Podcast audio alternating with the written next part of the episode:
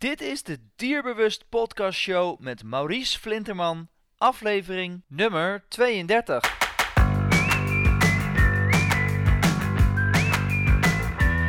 Welkom bij de Dierbewust Podcast Show, waarin je luistert naar experts die je voorzien van de beste informatie, tips en tricks op het gebied van honden. Vandaag gaan we in gesprek in deze podcast met Stephanie Peter. En Stephanie Peter is van Dierenconsult en zij is afgestudeerd klassiek homeopaat. En daarnaast doet ze bijvoorbeeld ook bioresonantie, de therapie daarvoor. Ehm, we gaan het hebben vandaag over homeopathie. Hoe kun je die nou in acute gevallen inzetten bij jouw hond? Hoe kun je dat eventueel zelf uh, toedienen, als dat überhaupt mogelijk is? En gaan we het hebben over onder andere vlooien, uh, teken, preventieve wormbehandelingen en overige zaken zoals vaccinatie. Dus heel veel en heel breed spectrum, maar absoluut een hele informatieve podcast waarin ik je graag bij heb tot het einde, omdat ik je daar nog een uh, speciale aanbieding doe. Tot dan en veel luisterplezier uiteraard. Vandaag in de podcast bij Dierbewust Stephanie Peter. Stephanie die uh, doet veel met uh, homeopathie. Um, welkom Stephanie, welkom in de podcast. Ja, jij bedankt voor de uitnodiging, Maurice. Graag gedaan. Um, nou ja, we kennen elkaar uh, via dierenarts Casper Broekman, die uh, uh, in Amsterdam ook veel doet met ja, homeopathie, maar ook alternatieven natuurlijk, dat hij als dierenarts te werk gaat. En ja, vandaag gaan we het ook nu hebben over homeopathie. want homeopathie is iets wat eigenlijk steeds meer bekender wordt, althans dat idee heb ik. En op de hele grote massa in Nederland zal het misschien wel meevallen, maar ik heb toch het idee dat er een beweging in gang is. Ik weet niet of jij datzelfde ziet, Stephanie. Nou, zeker. Want als ik uh, het vergelijk met, uh, zeg maar, ik ben in 2005 afgestudeerd aan de school voor homeopathie in Amersfoort. Ja. En als ik dan aan uh, kennissen vertelde van, ja, ik doe dat en dat. En dan keken ze me echt aan, wat? Homeopathie voor dieren, bestaat dit? Ja. Wat is dat eigenlijk? En, nou ja, nu komen gewoon mensen naar mij toe en vragen van, joh, ik wil graag dat jij mijn hond met homeopathie behandelt. Dus dat is wel een groot verschil, ja. Het is nog steeds niet bekend, maar het is eigenlijk algemeen, ook voor de mensen. Uh, als ze dan bij mij komen en zeggen van, um, ja, um, doe maar homeopathie en bioresonantie, dan moet ik heel vaak ook uitleggen wat homeopathie eigenlijk is. Want ze hebben daar geen, totaal geen zicht op. Want het werkt natuurlijk heel anders dan reguliere uh, medicatie. Ja. Dus dan moet je het een of ander uitleggen. Ja. En dan, maar in het algemeen, inderdaad, heb je gelijk. Uh, het wordt steeds bekender en komt steeds meer vragen naar. Ja, nou, dat is uh, goed om te horen. En voor de luisteraars die niet precies weten wat het is, want je noemt nu twee termen, homeopathie en bioresonantie. Kun je misschien even kort toelichten uh, wat dat inhoudt? Nou, homeopathie is eigenlijk uh, een alternatieve geneeswijze met alternatieve middelen. Dus je hebt, gaat van plantaardige tot dierlijke tot minerale middelen. Dat zijn, ehm, nou ja, eigenlijk door het middel te verdunnen en te schudden worden zogenaamde sterktes, potenties gemaakt. En daarmee ga je gewoon behandelen. En eigenlijk behandel je uh, het dier wat uh, bepaalde klachten heeft. Bijvoorbeeld, uh, ja, het is moeilijk uit te leggen. Je moet het met een, voorbeeld doen. Bijvoorbeeld arsenicum. Iedereen schrikt zich dood als hij natuurlijk het woord arsenicum hoort. Maar als je een arsenicumvergiftiging hebt, dan heb je bijvoorbeeld een blauwe tong. En dan ben je aan het trillen en shaken. En dan heb je koud zweet breekt je uit. Maar um, bij een heftige voedselvergiftiging heb je dezelfde symptomen. En wat doe je dan als homeopaat? Je ziet die symptomen en denkt, hé, hey, dat lijkt op arsenicum, dus ik geef arsenicum in homeopathische vorm. Maar dan is alle giftige substantie is al uit het middel. Vandaar dat uh, minister Schippers ook altijd zegt, uh, homeopathie is alleen maar water. Dat is natuurlijk niet zo, want de energie zit er nog in. Maar inderdaad, de giftige stoffen zijn eruit. Dat is dan homeopathie. En um, bioresonantie is wat ingewikkelder. Bioresonantie kan je eigenlijk op frequentie testen. Elk middel, elke stof in uh, op aarde heeft een, ja, een frequentie. Je kan het vergelijken met een radiogolf. En uh, dan kan je eigenlijk testen van oké, dit is de frequentie van bijvoorbeeld de lever. De normale gezonde frequentie is dat en dat. Um, is dat zo, heeft deze persoon of dit dier deze frequentie op de lever. Is dat niet zo en weet ik gewoon, dan is er iets met de lever aan de hand. Daarnaast kan je met bioresonantie ook testen op um, tekorten, nou, dat met mineralen of met de vitamines. Maar het wordt zelden gebruikt. Meestal gebruik ik het de behandeling van nou ja, alle mogelijke ziektes, klachten. En uh, je kan bijvoorbeeld de voedselallergieën opsporen. En dan test je het liefst het voer wat ter beschikking staat. Dus een eigenaar komt met een drie soorten voer aan. En ik test, is dit goed voor je dier, is dit niet goed voor het dier. Dat is het eigenlijk in het kort. Ja, dus uh, nou ja, voor de mensen die er niet bekend mee zijn, die zullen uh, ja, de, de, hoofdlijn hopelijk begrijpen. Maar het is wel een heel mooi, uh, nou ja, zowel homeopathie als natuurlijk bioresonantie zijn natuurlijk wel hele mooie dingen om in te zetten om ja, een stapje verder te komen. En wat mij altijd heel erg opvalt is dat er in Nederland eigenlijk heel weinig wordt samengewerkt tussen dierenartsen en alternatieve manieren zoals homeopathie. Hè? Dus om mhm. elkaar te versterken. Dat is eigenlijk best jammer. En ik hoop ook met deze podcast ook bij te dragen dierenartsen die nog niet samenwerken met homeopaten om daar toch echt een samenwerking te zoeken. En natuurlijk vice versa. Hè. Een homeopaat die zonder reguliere dierenarts werkt, die zou ook een stap verder kunnen komen. Maar eh, dat is best wel vreemd eigenlijk, want in Nederland is een van de weinige landen door heel de wereld waar dat eigenlijk bijna niet wordt ingezet. Hè? Ja, dat klopt. Inderdaad, dat is ook heel moeilijk. Dat merk ik natuurlijk al de afgelopen tien jaar. Uh, toen heb ik wel geluk gehad dat ik uh, in Den Haag al tien jaar een samenwerking heb met de dierenkliniek Makker. En uh, hij is een reguliere dierenarts, maar ik heb bij hem zeg maar, tijdens mijn opleiding ook meegelopen, zoals stagiaire. En dat is eigenlijk zo gebleven. Sindsdien zijn we aan elkaar verbonden. En hij is de enige, tot nog toe, behalve Caspar. Maar Caspar is natuurlijk ook meer alternatief ja, klopt. Dus, maar het is heel moeilijk om die samenwerking te vinden, want op een of andere manier heeft men, is men bang dat ik, dat je als alternatieve genezer zeg maar, de klanten weghaalt. Dat is natuurlijk niet zo. Want uh, wij als homeopaten mogen niet snijden. Wij mogen niet, geen uh, prikken geven als je geen arts bent. Uh, geen bloed afnemen en zulke dingen. niet enten. Dus dit soort zaken die blijven natuurlijk ten alle tijden bij de dierenarts. Ja. En het is jammer dat eindelijk komt men bij de homeopaat als de dierenarts het niet meer weet. En dan is al, zeg maar, uh, 95% van het budget is uitgegeven aan de dierenarts. En blijft nog 5% over.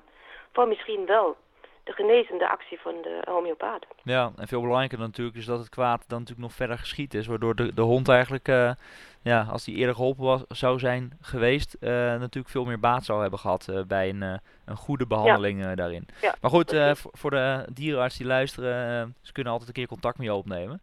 Maar nu even terug naar homeopathie, want daar gaan we het natuurlijk vandaag over hebben.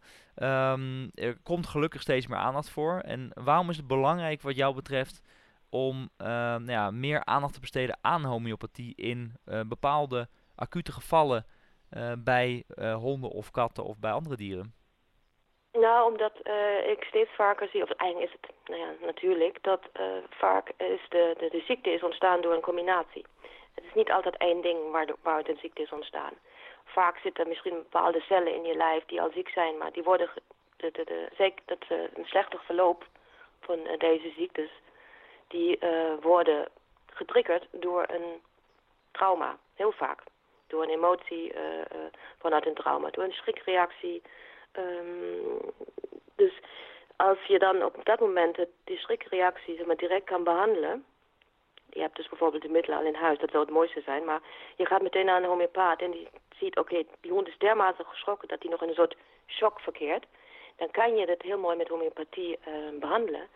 Waardoor uh, zich die reactie niet verder uh, in het lijf verspreidt. En vervolgens over twee jaar zorgt voor een misschien chronische ziekte.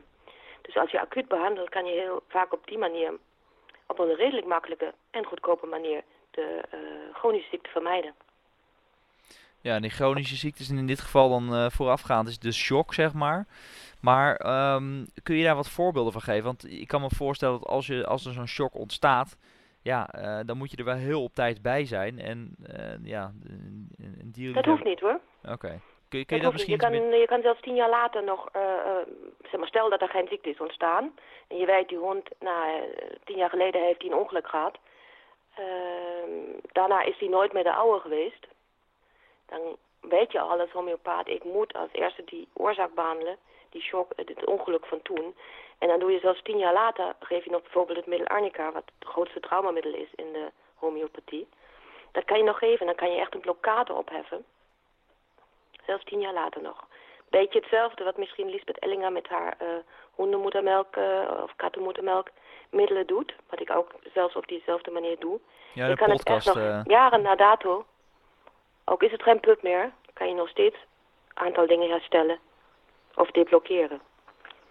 Ja, dus als je dan een voorbeeld uh, wil weten. Ja, ik heb wel een heel mooi voorbeeld toen ik nog in Den Haag woonde. Uh, toen werd ik geroepen voor een kat met uh, nierziekte. Dus nierfalen, zeg maar, chronisch nierfalen. Maar dat, op dat moment was het eigenlijk nog de beginfase, dus ja, misschien nog half acuut. Maar wat vertelden ze? Nou, dat we de vragenlijst van mij hadden besproken en helemaal teruggegaan waren in de geschiedenis van het dier. Het dier was ooit kletsnat en met ja, afgebroken nageltjes terugkomen naar huis. Maar het bleek, was gewoon in de, zeg maar van de kademuur in het water gevallen in Den Haag, in een gracht. En hij heeft dus in doodsangst geprobeerd uit die gracht te komen. Dus met die nagels aan die kademuren proberen omhoog te komen, wat uiteindelijk geluk, gelukt is. Maar ja, het heeft dan nagels gekost en het was natuurlijk wel... Het katje heeft gewoon in doodsangst verkeerd. Zo. Dus um, ben ik van overtuigd. Want dat, uh, het vervolg van de genezing was ook zo dat ik haar eerst behandeld heb met uh, arnica en uh, natuurlijk met begeleiding van niermiddelen. Dus bijvoorbeeld een niertinctuur of zo. Maar dat uiteindelijk het nierfalen echt gereduceerd kon worden. Dat de nierwaardes in de bloedtest bij de dierarts weer bijna, bijna normaal werden. Dus niet meer die hoogte hadden die ze eerst hadden. Dus dat betekent gewoon, als ik daar eerder bij was geweest, was het waarschijnlijk nooit tot een afsterven of besterven van het nierweefsel gekomen. Ja, dus dat wil ik ermee bereiken, dat je uiteindelijk dus niet meer hoeft... Uh, je kan ook diabetes ontstaan, ook zelfs bij de mens kan diabetes door shock ontstaan. Dus uh, dat kan je ook voorkomen. Ja, en even een, toevoeging wat je net zei, want uh, je, je gaf aan, je verwees naar Lisbeth Ellinger, die we eerder ook in de podcast hebben ja. gehad. Um, ik weet even niet meer welke podcast dat was, maar als je er doorheen loopt, dan kom je haar ook tegen. Een hele interessante podcast. En het ging inderdaad over een onderdeel uh, uh, moedermelk, hè, homeopathische moedermelk. Uh, absoluut een aanrader om, om naar te luisteren. Um, en als we dan verder gaan, want je, ga, je, je haalde net even het voorbeeld aan van allergie. En het is natuurlijk, zou natuurlijk mooi zijn als je ook met, met, met de behandeling, zeg maar, zoiets mee zou kunnen voorkomen. Um, zijn daar überhaupt mogelijkheden voor? Want er zijn natuurlijk allergieën, zie je steeds meer voorkomen bij, eh, bij dieren. En dat komt vaak omdat de hond natuurlijk toch uit, eh, of hond of kat toch uit uh, balans is. Zijn daar ja. uh, behandelingen voor om te voorkomen dat je hond uiteindelijk allergieën krijgt? En wanneer zet je dat dan in? Want je gaat natuurlijk niet een behandeling inzetten voordat je hond allergisch is. Kun, kun je daar wat, wat meer over vertellen? Nou, dan heb ik het eigenlijk in eerste instantie om zeg maar, uh, net zoals bij de mens, uh, die, je hebt veel mensen uh, die bijvoorbeeld tegen bijen of wespen allergisch reageren, omdat ze ooit gestoken zijn en een reactie hebben gehad, overmatige reactie van het immuunsysteem. En uiteindelijk echt heel gevoelig daarvoor zijn en zelfs aan dood zouden kunnen gaan. Bij dieren hebben je het ook, maar daar speelt grotendeels de, de flow-allergie is een probleem. Bij honden. En katten ook wel, ja.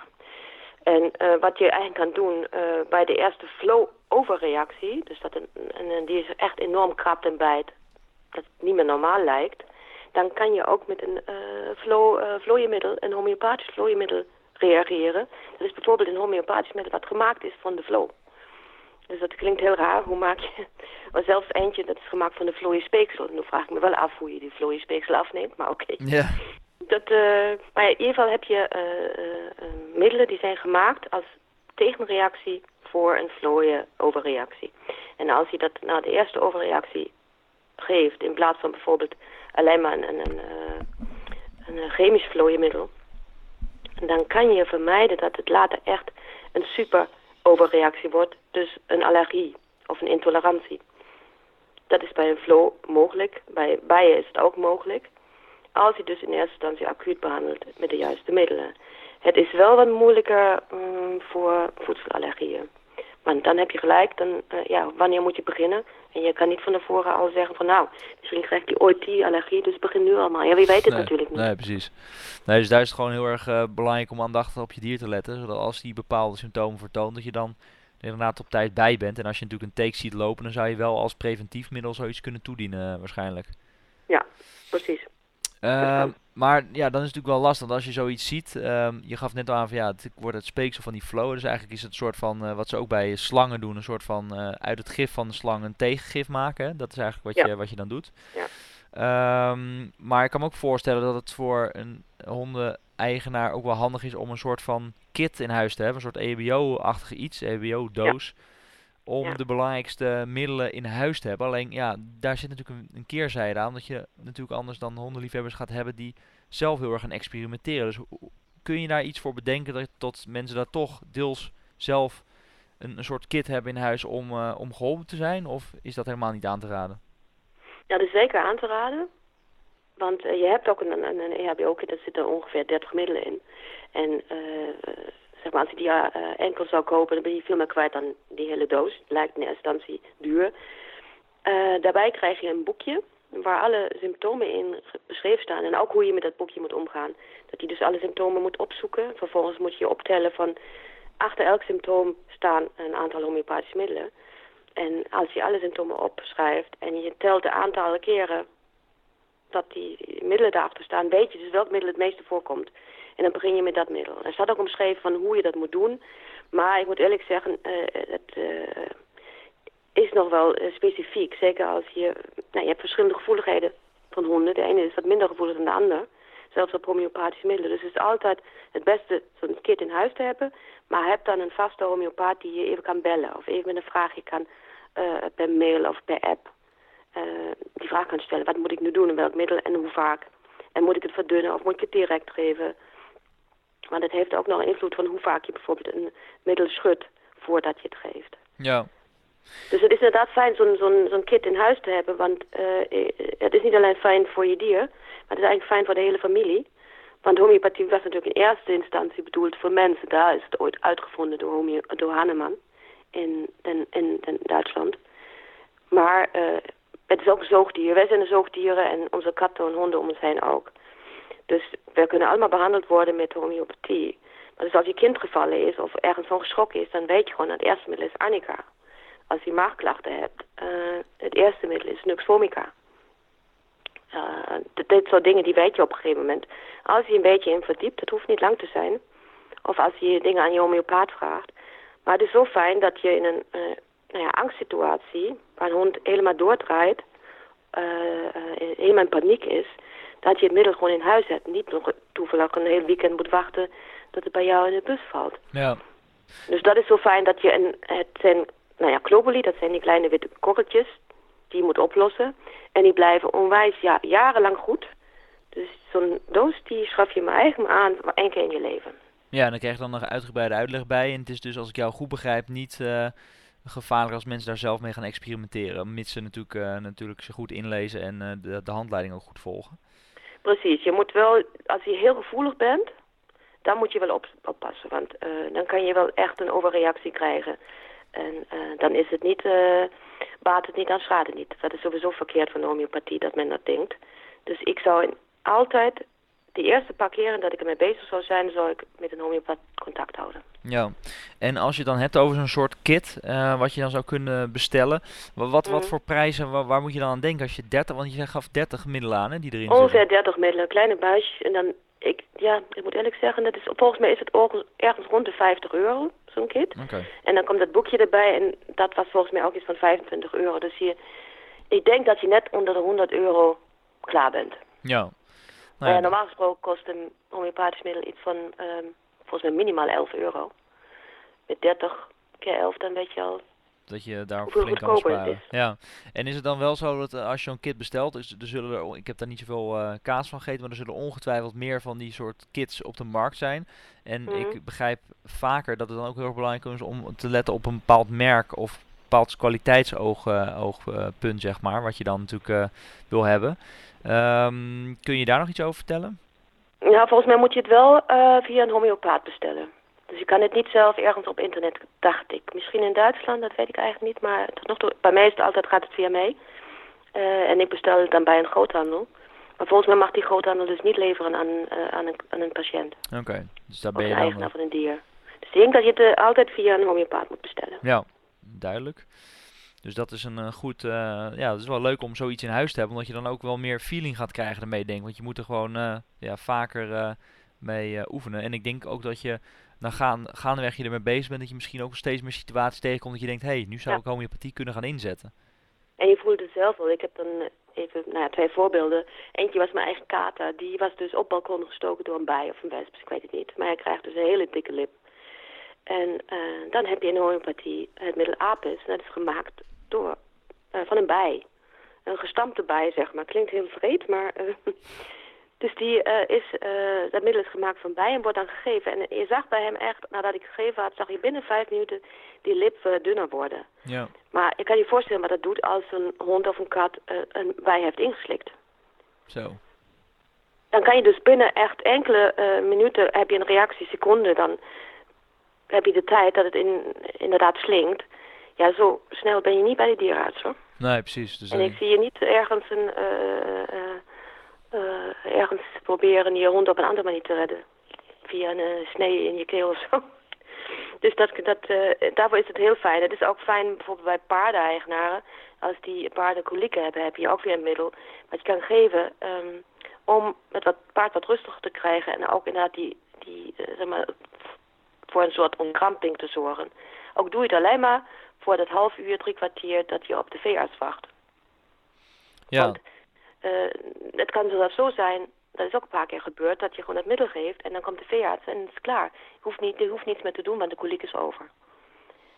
Maar ja, voor alle zekerheid bel je de veearts dan, je geeft het middel en dan wacht je gewoon af. Ja, en dan kan het, en dus andere is gewoon zijn. van eigen, een menselijk voorbeeld, mijn eigen broer die dus uh, van op een gegeven moment weet, van als je bepaalde maagklachten uh, hebt, dat, je, dat hij Nuxvomica nodig heeft. Hij kent het gevoel. En dan riep hij altijd door het huis, waar is mijn Nux, waar is mijn Nux? Want dan kon hij het niet op tijd vinden of zo. Dus hij wist dat al meteen en hij neemt het en het is klaar. Dan hoef je niet allemaal dagelijks uh, ergens bepaalde maagtabletten te nemen. En dan neemt in de acute situatie dat je het echt heel erg last van je maag hebt, neem je gewoon dan zo'n korrel of een druppel. Of, uh, voor zulke momenten is dat gewoon fantastisch als je het in huis hebt. Ja, dat is absoluut een, uh, een aanrader om eens, om eens daar naar te kijken, als ik goed begrijp. Nu is het ja. natuurlijk zo dat uh, ja, de mensen die er nog niet bekend mee zijn, of de mensen die nog niet zo'n kit in huis hebben, dan kan me voorstellen dat je uh, ook wel eens ja, last gaat krijgen van een chronische ziekte of klacht, omdat je dus een hele tijd eigenlijk die klacht niet kan plaatsen en dus ook niks eraan hebt kunnen doen. -huh. um, hoe werkt het dan als je dat soort klachten gaat behandelen met, uh, met homeopathie? Um, en uh, ja, zorg je dan voor dat het dan beter gaat in de toekomst? Of hoe, hoe zit dat precies? Nou ja, als je altijd al een, een, tijd lang... Ja, aan welke klachten denk je nou? Bijvoorbeeld aan maagklachten of migraine of zulke dingen? Ja, uh, of iets wat je inderdaad op je hond kan terugbrengen. dan heb je daarna chronische klachten, dus ja, last van... Artrose bijvoorbeeld? Of, ja, bijvoorbeeld die mankt zo, ja. Er zijn een aantal middelen die zeker wat betreft gewrichtspijnen of spierpijnen, of spierverkrampingen, spierverslappingen, uh, heb je een aantal middelen um, die, waar je dan echt moet uitzoeken van wat is de symptomatiek. Bijvoorbeeld heb uh, uh, rustoxidentron, rustox noemen ze dat in het kort. Dat is een middel waar je gewoon, uh, als je hond ochtends niet uit zijn, uit zijn bedje komt, zeg maar, heel stijf is. Maar als hij langer beweegt, wordt hij weer soepeler. Als het te lang duurt, wordt hij weer stijf. Dat is gewoon rusttox. Mm -hmm. Dat is een symptoom. Hè? Uh, op de andere manier kan het ook zijn dat iemand helemaal niet het bedje uitkomt. Of een mandje uitkomt. Uh, hij wil alleen maar stil blijven liggen en uh, hij heeft geen zin om überhaupt iets te doen. Dan is weer brionia. En zo heb je verschillende uh, gewrichtsmiddelen die je moet onderscheiden middels die symptomatiek. Dat je gewoon weet, oh hij ligt altijd op een koude plek of hij ligt altijd op een warme, warme plek. Daar moet je op letten. En dat zijn dingen die je in dat boekje vindt dan. En dan kan je inderdaad proberen van, nou, Rustox, volgens mij proberen we dit maar even. Kijken hoe die reageert. En je hebt vrij snel een reactie.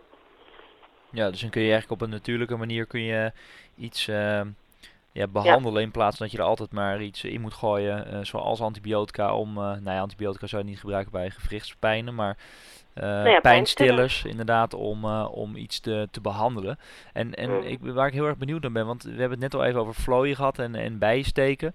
Maar mm. op dit moment is natuurlijk uh, ja, wormenbehandeling, hè, dus dat wordt ook heel vaak gedaan, dat er preventief wormenmiddelen worden gegeven om ja, een soort van de wormen weg te houden, terwijl dat eigenlijk helemaal niet kan. je kunt niet preventief een hond behandelen tegen wormen. Het is pas dat je een middel geeft als een hond wormen heeft. Alleen je wil weten wanneer een hond wormen heeft.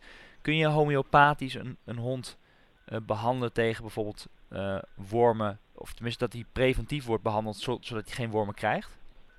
Nou, het belangrijkste is natuurlijk eigenlijk van, uh, dat je darmflora in orde is. Ja. Dus dan kom je weer bij die middelen zoals probiotica. Als je een paar keer per jaar, misschien drie keer per jaar, zo'n probiotica-kuur geeft, dat je zo'n soort poeder wat je over het... en eigenlijk wat net hetzelfde als bij de mens, probiotica is poeder wat hij over het voer doet of net daarvoor geeft. Dat ligt aan het middel zelf. En daarvoor zorg je dat, gewoon, dat de goede darmbacteriën weer in je darm terechtkomen. Die daarvoor zorgen dat de wormen geen kans maken. Daarnaast uh, kan je inderdaad via een soort tinctuur... kan je ook drie of vier keer per jaar een soort kuur doen. Het zijn druppels die je op je voer doet... waardoor je ervoor zorgt dat ja, wormen geen kans maken. Of tenminste in ieder geval veel minder. En sowieso al zeg maar, uh, de meeste honden die redelijk gezond hebben, zijn, ze hebben meestal geen wormen. Alleen de honden die toch wel wat, nou ja, onder de leden hebben, die, die krijgen wormen. Ja, precies. Dat is eigenlijk, want daarom heeft het inderdaad weinig zin om gewoon elke drie maanden een worming te geven, want je verstoort alleen maar de darmflora maakt het steeds ja, makkelijker voor de worm, voor de volgende worm die daar aankomt. Ja, dus mensen die preventief ontwormen, stop er alsjeblieft mee, want het heeft uh, eigenlijk alleen maar negatieve ja, voor mij zorgt dat alleen maar ervoor dat uh, met alle chemie die je in het lichaam, uh, zeg maar in de hond geeft of in de kat geeft, zorg je ervoor dat het immuunsysteem steeds zwakker wordt of over, overreageert. Ja. En absoluut, ja, ik ben daarvoor inderdaad.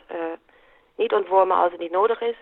En als het echt nodig is, dan kan je nog altijd een keer zo'n chemische bom naar binnen gooien, om het maar zo te zeggen. Ja. Maar waarom moet je dat nou elke drie maanden doen? Ik ben daar geen voorstander van. Hetzelfde geldt ook voor die antivlooienmiddelen. Het, het is altijd moeilijk als je vlooien hebt. Dan kan je het nog met natuurlijke middelen proberen. En als je een vlooienplaag hebt in huis, nou dan heb ik tot nog toe de ervaring dat alleen chemische middelen helpen. Heel eerlijk gezegd. Ja. Want uh, dat is geen pretje en je krijgt het echt heel moeilijk weg. Ja, maar voordat je dus chemische middelen in je hond stopt uh, zonder dat je natuurlijk vlooien hebt, uh, zou het, ja. ja kan het ook kwaad. Dus daar moet je ook voor oppassen. En er blijven eigenlijk nog twee hele belangrijke dingen over. Want we hebben het nog niet gehad over teken. Het tekenseizoen ja. begint weer aan te komen. Ik ben zelf ook aardig aan het testen met natuurlijke tekenmiddelen. Mm -hmm. um, kun je daar nog iets homeopathisch betekenen voor, voor honden? Heel moeilijk, moet ik eerlijk zeggen. Uh, we zijn nu bezig samen met Caspar Broekman in Amsterdam. Hebben we uh, zo'n soort uh, anti-vlooien pilot opgestart. afgelopen week heb ik allemaal pakketjes verstuurd. Ingepakt en verstuurd. Maar er worden zeg maar drie middelen aangeboden. Men kon zich inschrijven. Dat was via een Facebook actie van Caspar. Men kon zich inschrijven om mee te doen met zijn hond. En dan uh, krijg je drie middelen opgestuurd, A, B, C of A, D, F, bij de keuze uit zes middelen. Mm -hmm. En één placebo. En iedereen uh, die zo'n pakketje ontvangt, die moet dan al drie maanden uh, die middelen uitproberen en ons berichten wat het best werkende middel is. Okay. Het zou natuurlijk heel grappig zijn als de placebo wint. Ja. Maar, nee, dat geloof ik dus niet. Maar, uh, dus ze weten het niet, de mensen. En uh, ik ben heel benieuwd van... Want tot nog toe wordt echt heel duidelijk gezegd... Uh, natuurlijke antitekenmiddelen werken niet zo goed. Dat is wat, wat gezegd is. Maar zelfs met, een, met zo'n antitekenhalsband... zijn er nog honden die nog steeds teken hebben. Dus... Um, ja, ik ben, zit daar een beetje tussenin. Ik snap wel dat, dat men dat wil doen... En dat men probeert die tekens zoveel mogelijk uh, weg te houden in, in, verband met de ziekte van Lyme en andere uh, bijverschijnselen, mm -hmm. als een tekenbeet. Maar tot nog toe is het heel moeilijk van, om daar natuurlijk iets te doen dat echt helpt. Ja, nu is mijn ervaring ook dat als je het wel chemische middelen gaat inzetten, dat je ook niet altijd alle teken weghoudt. Dus, Precies. ja, dat is dan, dan moet je gewoon uh, voor jezelf uh, ja, een keuze maken. En zelfs de leveranciers worden zo moeilijk gemaakt. Want ik had bijvoorbeeld zelfs in Duitsland een antitekenmiddel gevonden. En denk van ja, dat is het gewoon. En vervolgens wordt het van de markt genomen. Dat is al het tweede antitekenmiddel wat nu van de markt genomen is. Geen idee waarom. Maar ik denk dat het de leverancier heel erg moeilijker gemaakt wordt. Met de natuurlijke middelen. Ja. Nou is het natuurlijk ook dat het per individu een beetje verschilt. Hè? Dus de ene hond kan heel veel baat hebben bij een bepaald middel. En de andere hond misschien totaal niet. Um, dus dat verschilt natuurlijk heel erg. En daar moet je ook voor je eigen hond eigenlijk een beetje testen wat werkt. En moet ik wel zeggen dat we best wel in de praktijk wat, wat, wat middelen hebben gevonden die uh, bij veel honden ook wel uh, blijken te werken. Maar ja, dat is natuurlijk altijd mhm. lastig om dat uh, te achterhalen. want hoe meet je zoiets? Dat, dat weet je natuurlijk Nou ja, we hebben ook dan vragen in die, zeg maar, die vragenlijst bij het, het pilotproject. hebben we ook geschreven, ja, hoeveel tel je teken, die teken, aantal teken die je per dag uit je dier haalt van je dier afhaalt. Ja, heel moeilijk hoor. Want je vindt natuurlijk niet alle. Of uh, ja, je hebt niet elke dag de tijd. Ik weet het niet. Maar het is heel moeilijk om dat in te schatten. Ja. En ik vind dat is ook wel belangrijk. Hoe reageert je dier op het middel? Precies. Zelfs van een uh, van olie, van uh, etherische olie kan een hond ziek worden als die super gevoelig is. Ja, nou ja, en, en dat is één. En dan is natuurlijk twee, is dat als je in een tekengebied loopt. Kijk, ik loop uh, niet elke dag hetzelfde rondje. Dus op het moment mm. dat ik in een tekengebied loop, uh, dan heeft uh, de hond bewijs van meer teken, kansen op teken, dan dat je in een gebied loopt waar weinig teken zitten. En dat, ja, dat weet je uiteindelijk natuurlijk als je een hond hebt uh, waar die teken meestal zitten, weet je dat wel. Alleen ja, mm. waar je dan precies dan loopt en uh, ja, of het dan ook helpt en als je hem vindt van welk gebied het dan is geweest en welk middel, ja, dat is natuurlijk wel heel erg lastig om daar inderdaad een uh, vergelijking in te vinden. Maar het is wel leuk dat jullie in ieder geval het onderzoek opzetten. En ja, elke uitkomst die maar iets bijbrengt dat je zo min mogelijk teken bij je hond gaat vinden, dat, dat, is natuurlijk mogelijk, dat is natuurlijk mooi. Ja, nou dat zo zien we dat ook hoor. Maar we krijgen natuurlijk ook ontzettend veel vragen hierover van de eigenaren. Dus mm, op de eigenaar weet op een gegeven moment niet meer wat hij moet doen. En ja, wat is nu goed? En dan kijk je op Facebook en dan zegt de ene het is goed, de ander zegt het is slecht. Ja, uh, ik vind, uh, probeer het gewoon inderdaad uit. Zorg wel ervoor dat het natuurlijk is. En uh, dan zal je zelf merken van, nu de tekenseizoen weer begint, van ja, wat werkt voor mij het beste en van mijn hond. En misschien werkt het voor je, ene hond, maar niet voor je tweede hond. Kan ook nog, hè? Ja, nee, absoluut. Absoluut. En uh, wat je zegt natuurlijk uh, ook een hele belangrijke van ja, gebruik natuurlijke middelen. Um, de afgelopen tijd is natuurlijk ook best wel wat uh, informatie naar buiten gekomen waarin chemische middelen zijn ingezet. die niet zo goed zijn uitgepakt, of die helemaal niet goed zijn uitgepakt, en waardoor het dier volgens de eigenaar in ieder geval is overleden aan het middel. Dus ja, wees daar heel voorzichtig mee. Want Heel veel mensen zijn daar nog niet van op de hoogte, terwijl we er toch uh, ook bij Dierbewust best wel wat aandacht aan besteden. Kom ik zelfs, ik was gisteren op een, uh, uh, op een verjaardag, kwam ik zelfs mensen in mijn eigen familie tegen die niet wisten dat dat middel schadelijk kon, kon zijn. Ja. Ehm, dus ja, we, wees er, daar ook van bewust en probeer ook als je het wel weet, ook andere hondenliefhebbers op de hoogte te brengen. En daarvoor zijn deze podcasts zo goed, omdat je experts aan het woord laat die ook dan daadwerkelijk het, het verhaal uh, waardoor je het echte verhaal uh, zeg maar, kunt delen. En dat het verhaal ook van de expert in stand blijft. Dat vind ik ook altijd wel een, eh, belangrijk aspect. Ja, en ik vind ook gewoon dat, zeg maar, de honden worden, of de dieren worden steeds gevoeliger. Die, die volgen ons, zeg maar, in, ons, in de mensenontwikkeling. Zeg maar, twintig jaar geleden begonnen de allergieën bij de, dier, bij de kinderen.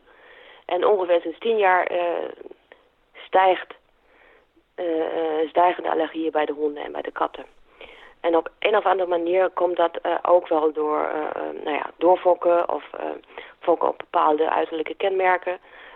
men wil steeds fijnere um, honden met spitsere neuzen of met plattere neuzen. Of, men moet eigenlijk beseffen dat met het fokken op uiterlijke kenmerken op dezelfde DHA-streng is niet alleen het uiterlijke kenmerk, maar er zitten ook andere dingen bij. Bijvoorbeeld gevoeligheid voor geluid honden die bijvoorbeeld gevoelig zijn voor geluid en uh, echt schrikken van alles en nog wat, die kunnen dus de prikkels niet goed verwerken. Maar vergeet erbij, ja, dan zegt mijn hond die, die reageert op alle geluiden.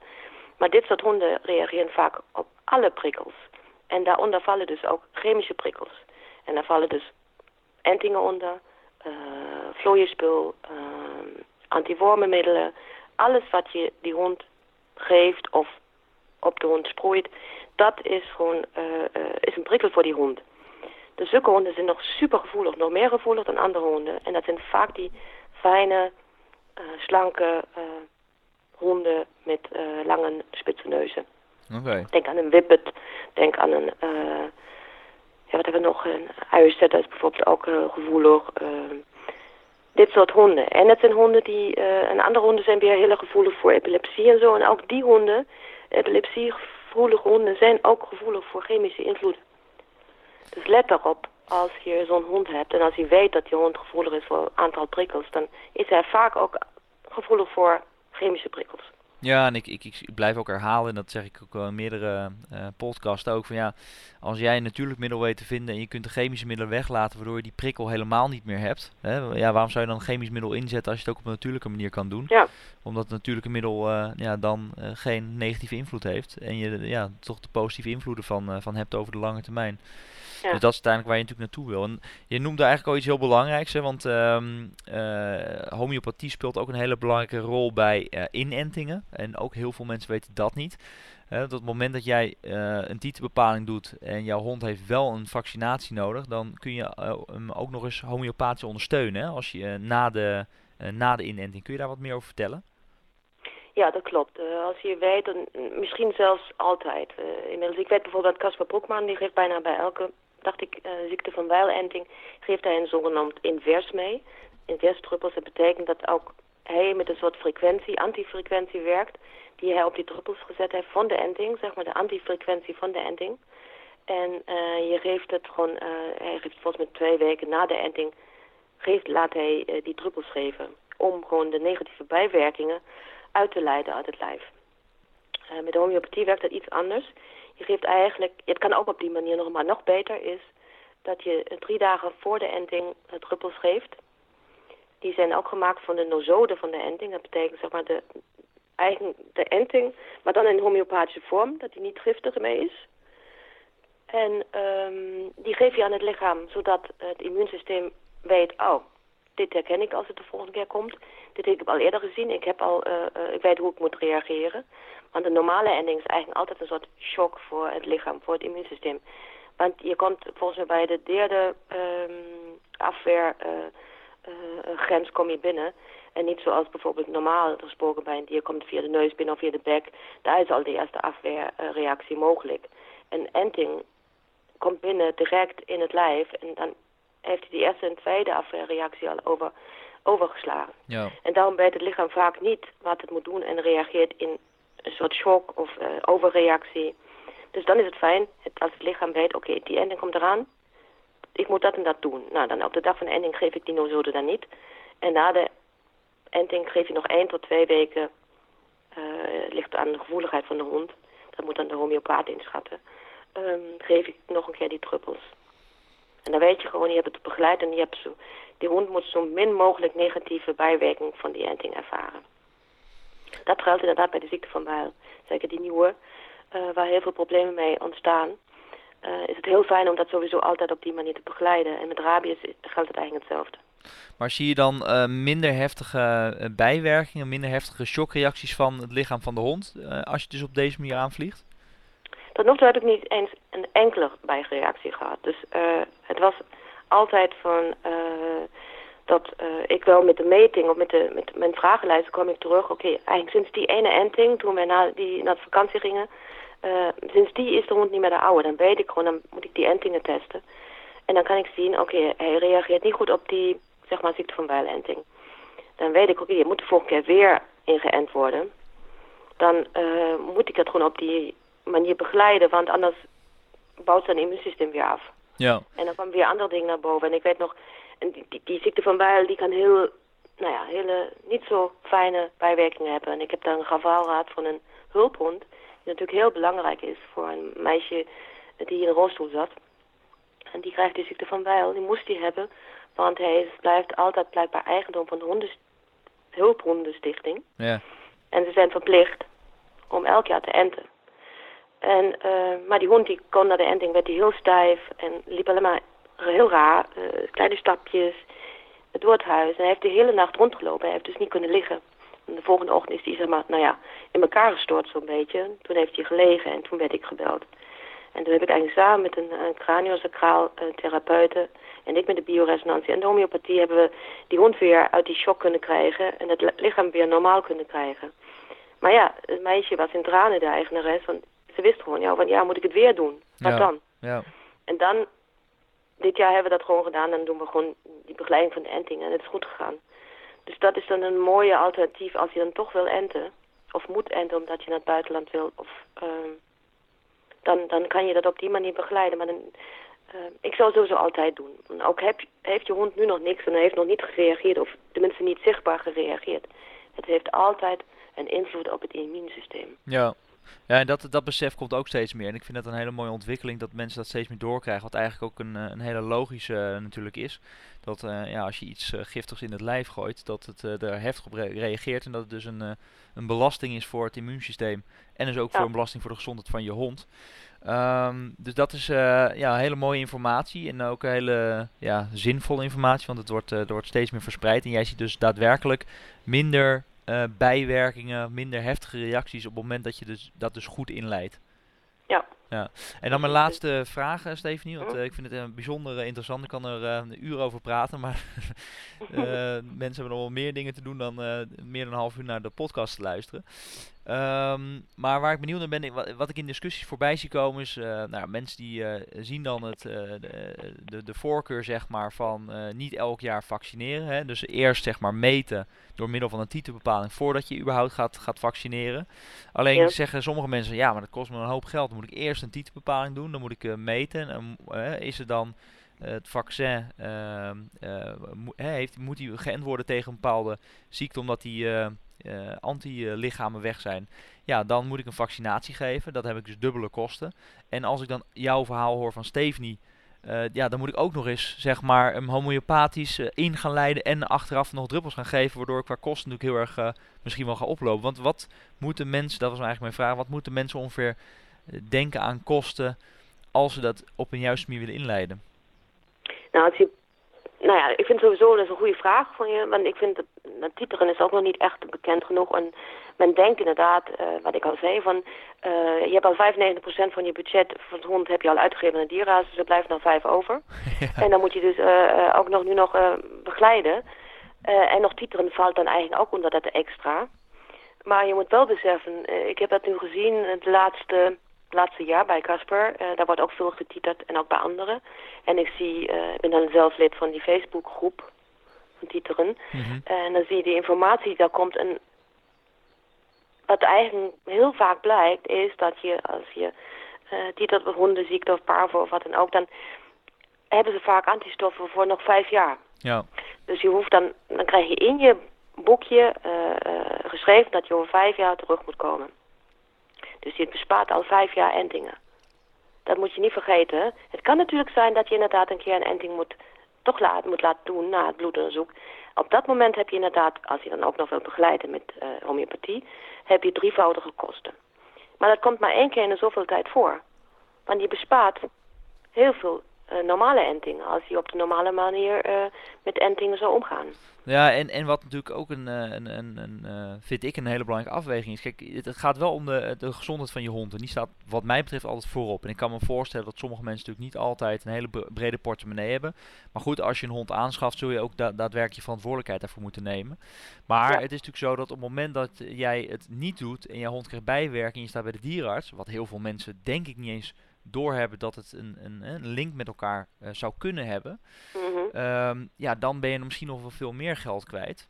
Uh, dus dat is een hele belangrijke afweging. Alleen wat je nu aangeeft, hè, die vijf jaar, hè, dus uh, vijf jaar dat je niet meer naar de dierenarts moet. Er zijn natuurlijk niet, niet alle dierenartsen in Nederland die titeren. Die zorgen ook voor dat iemand vijf jaar niet kan wegblijven. Er zijn ook dierenartsen die bijvoorbeeld elk jaar titeren. Omdat ja. ze zeker willen, weet, willen zijn dat de hond natuurlijk beschermd is. Mm -hmm. Dus ja, dat geldt natuurlijk niet in elke situatie. Dus ja, zoek dan bijvoorbeeld een dierenarts die dat uh, goed, in ieder geval goed doet.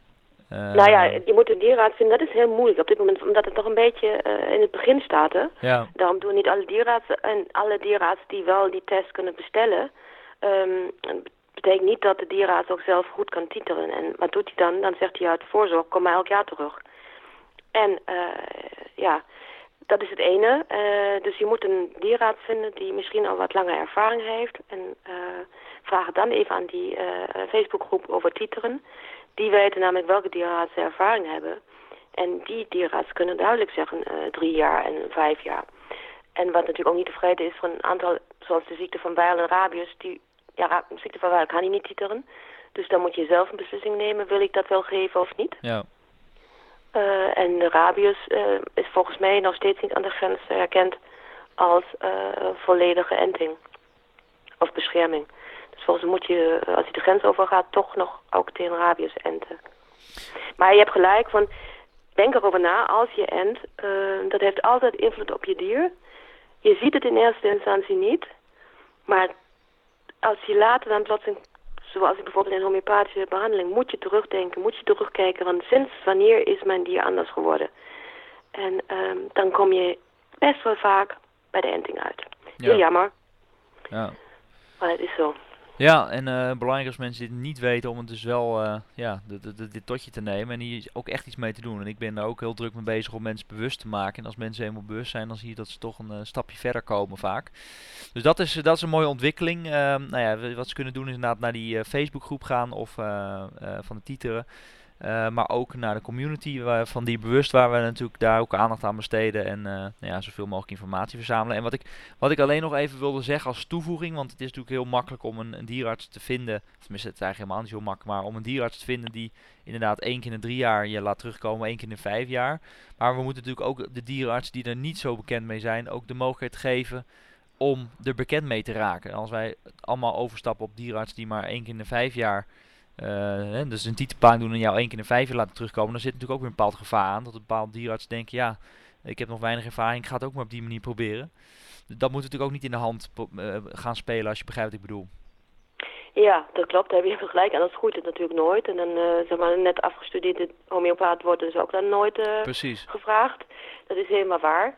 er bestaat wel de mogelijkheid voor een dierenarts ook. Je kan een soort um, ja, mini-cursus volgen. Waardoor je echt heel goed wordt opgeleid in het uitlezen van de test uiteindelijk. Um, dat kan volgens mij ook via die Facebookgroep, maar misschien ook wel via jou, dat weet ik niet. Maar uh, dan komt iemand langs bij de dierartspraktijk en die legt gewoon even uit van denk hier aan, denk hier aan, let hier op. En uh, helpt je bij het uitlezen van de test. En waardoor je kan bepalen, dit is vijf jaar, dit is drie jaar. Of, ja, precies. Dus, dat, dat, dat, kan, daar kan je ook geholpen worden. Als je als dierarts twijfelt en je wilt het ook aanbieden, dan uh, kan je inderdaad dat ook volgens mij bij NML Health kan je dat volgens mij ook aanvragen, dacht ik. Ja, klopt. Ja, en uh, dat, ik weet ook wie dat doet inderdaad. Uh, dus uh, wil je daar meer informatie over weten en je luistert als dierenarts, neem dan even contact met, uh, met ons op of met de Facebookgroep uh, info.dierbewust.nl. Dan kan ik je daar ook heen sturen, dat je daar gewoon meer ervaring mee krijgt. Want het is, ja, het is on, onbemind, of, of sorry, onbekend maakt onbemind. En het zou mhm. jammer zijn dat mensen uit angst dus daar maar op afstand van blijven. Terwijl het gewoon een hele mooie manier is om daar toch mee te gaan werken. Omdat ja, hoe minder belasting voor het dier, hoe des te beter. En ja, hoe meer mensen daarmee geholpen zijn. Ja, Helemaal mee eens. Stephanie, uh, super bedankt voor uh, de zinvolle informatie. We hebben dus niet alleen homeopathie als besproken, maar we zijn toch nog een stapje verder gegaan. Ik denk hele zinvolle informatie om uh, het met iedereen met elkaar te delen. Ik wil je ontzettend bedanken voor, voor je tijd. En, ja, ja, graag gedaan. Dat was heel fijn gesprek. En het is ook wel fijn omdat dat even, dat die informatie niet alleen tijdens mijn consulten maar, uh, verspreid wordt, maar dus nu ook via jou Ja, nee, perfect. Want als mensen bij jou uh, terecht uh, willen, dan kunnen ze, nou ik zal het zo, sowieso een link op onze website zetten, naar jouw website toe, maar ze kunnen terecht bij dierenconsult.nl hè? Klopt, of ja. inderdaad op de website van alternatieve diergeneeskunde.nl. Dat is Kasper Broekman in Amsterdam, daar sta ik ook op de site. Ja. Met een eigen pagina, dus uh, dat kan ook. Stephanie Peter, ja. Nou, hartstikke bedankt voor de informatie. En ik hoop je uiteraard ook in de toekomst nog een keer uit te kunnen nodigen over een zinvol onderwerp. En uh, voor nu, uh, tot later. Oké, okay, dankjewel ja? Maurice. Oké, okay, Stephanie. Oké. Okay. Bye. Bye bye. Bedankt voor het luisteren naar de podcast met Stephanie Peter van Dierconsult. Wil je nou meer over haar te weten komen, ga dan naar dierbewust.nl slash 32 En daar vind je veel meer informatie over haar. En vind je ook de podcast terug. Wil je nou meer weten over het weghouden, het stoppen van teken bij jouw hond? Daar hebben we een heel mooi nieuw product voor gemaakt. Dan ga je naar dierbewust.nl slash teken-actie. Ik herhaal dierbewust.nl slash teken-actie. Daar vind je 10, een product met 10 natuurlijke middelen die je kunt proberen bij jouw hond of kat tegen uh, die vervelende diertjes die je toch elke keer uh, tegen kan komen in de bossen, de duinen, uh, gewassen, etc. Noem maar op. Eigenlijk kom je ze overal wel tegen en worden ze steeds nou ja, veel meer gezien in ieder geval. Daarnaast geef ik je drie manieren om teken minder, of jouw hond in ieder geval, minder interessant te maken voor teken. Dus vind je het interessant, wil je er meer of alles over weten, ga dan naar dierbewust.nl slash teken-actie en daar vind je alles. Alvast bedankt en in ieder geval tot de volgende uitzending. Ik hoop dat je hebt genoten en dat je iets hebt aan de tips die we je hebben gegeven. Tot de volgende keer.